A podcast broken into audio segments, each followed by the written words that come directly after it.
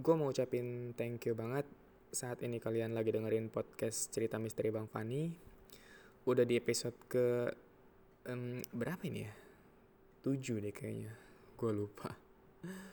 Padahal baru dikit, kayak udah ratusan aja episodenya.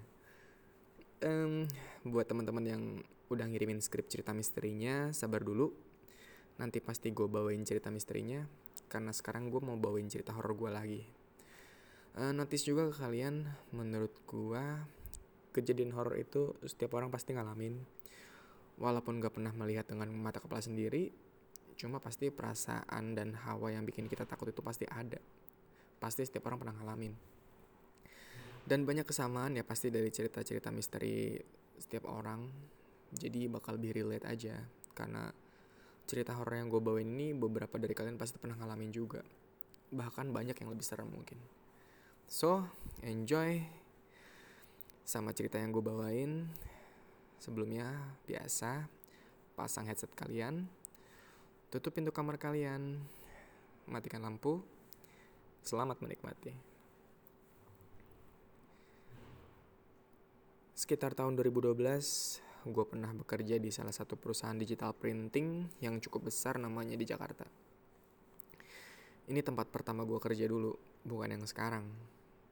Jadi di tempat itu ada dua ada dua lantai gedungnya. Lantai pertama area tempat bekerja dan lantai keduanya itu tempat gudang penyimpanan barang.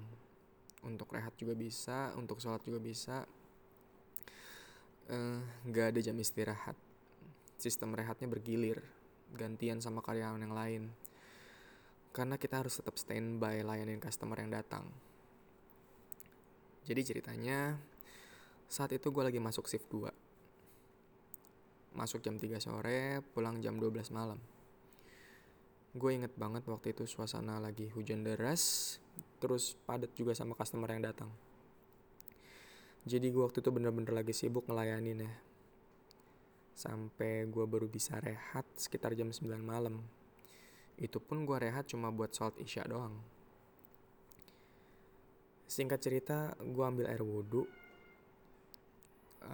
ambil air wudhunya di kamar mandi bawah. Habis itu gue langsung naik ke lantai dua. Di lantai dua itu emang bener-bener jarang disinggahi banget sama karyawan. Karena sebenarnya karyawan yang lain pun kalau untuk rehat dan makan pasti di ruang pantry belakang yang di lantai satu. Jadi lantai dua itu bener-bener jarang banget ada yang naik. Paling kalau buat ngambil stok ATK yang udah mulai menipis baru uh, karyawan pada ngambil di lantai dua. Dan buat sholat pun sebenarnya lebih sering ke masjid karena gedungnya nggak terlalu jauh sama masjid. Cuma kebetulan karena saat itu lagi hujan deras banget dan sholat isyanya gue juga pun telat, makanya gue sholat di lantai dua. Ada dua ruangan yang cukup besar di lantai dua.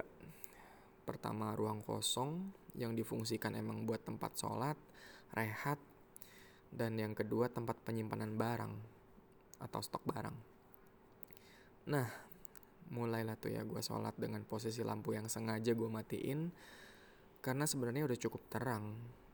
Cahaya lampu dari luar itu udah masuk ke dalam ruangan, jadi cukup terang lah. Nah, dari mulai gue sholat sebenarnya perasaan gue udah mulai gak enak. Saat itu di atas cuma gue sendiri, di lantai dua maksudnya gue sendiri gue mencoba untuk biasa aja walaupun sebenarnya hati gak enak banget gitu. Kira-kira di rokat keempat ya di rokat terakhir lampu ruangan yang tadinya mati itu nyala sendiri.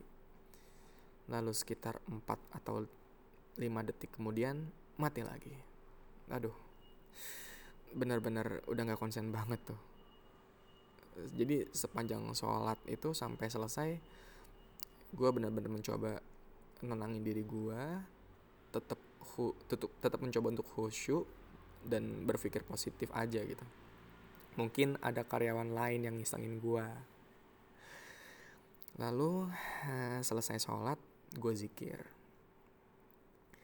Dan gue udah biasa udah biasa lah gitu. Udah bisa nguasain perasaan gue yang tadinya panik ketakutan jadi biasa lagi Nah ketika gue zikir uh, suara hujan kan berisik tuh ya. Kedengeran banget sampai ke dalam ruangan. Di saat gue sedang khusyuknya zikir gangguan kedua kembali datang. Yaitu gue dengar suara perempuan lagi nyinden. Walaupun hujan itu cukup berisik dan deras tapi gue bener-bener bisa denger nyanyian itu di telinga gue dan gue gak bisa kendalin perasaan takut gue waktu itu. Jadi ketika gue denger sinden itu ya bernyanyi gitu zikir gue belum kelar gue langsung lipat sejadah gue langsung lari turun ke bawah. Bener-bener panik banget gue waktu itu. Dan teman-teman karyawan yang lainnya sebenarnya ngelihat gue panik gitu ngelihat muka gue panik banget. Cuma mereka yang nggak bisa nanya gue kenapa mengapa gitu loh. Karena mereka juga lagi sibuk kerja lagi padat kerjaan dan gue pun habis itu langsung lanjut lagi kerja seperti biasa. Nah setelah closing sambil siap-siap pulang mereka baru deh tuh nanya eh Van lu tadi kenapa? Pasti lu lihat sesuatu ya?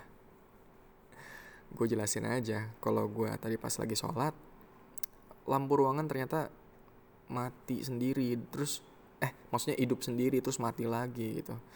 Dan gue nggak lama abis itu gue denger suara perempuan lagi nyinden gue cerita gitu ke teman-teman karyawan gue dan ternyata teman-teman gue pun pernah ngalamin.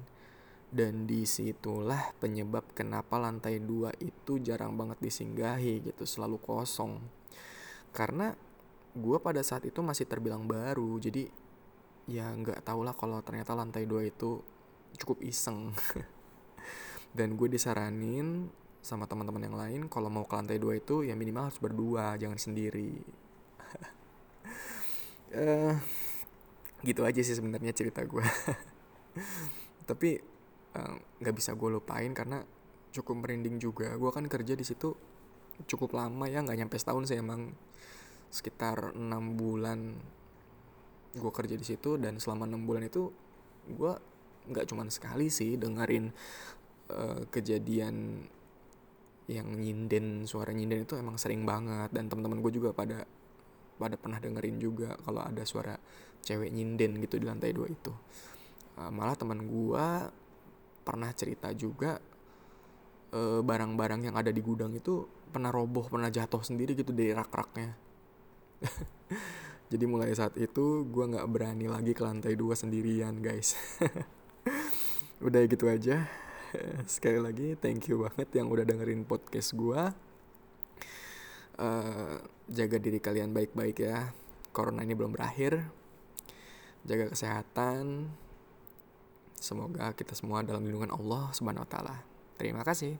Wassalamualaikum warahmatullahi wabarakatuh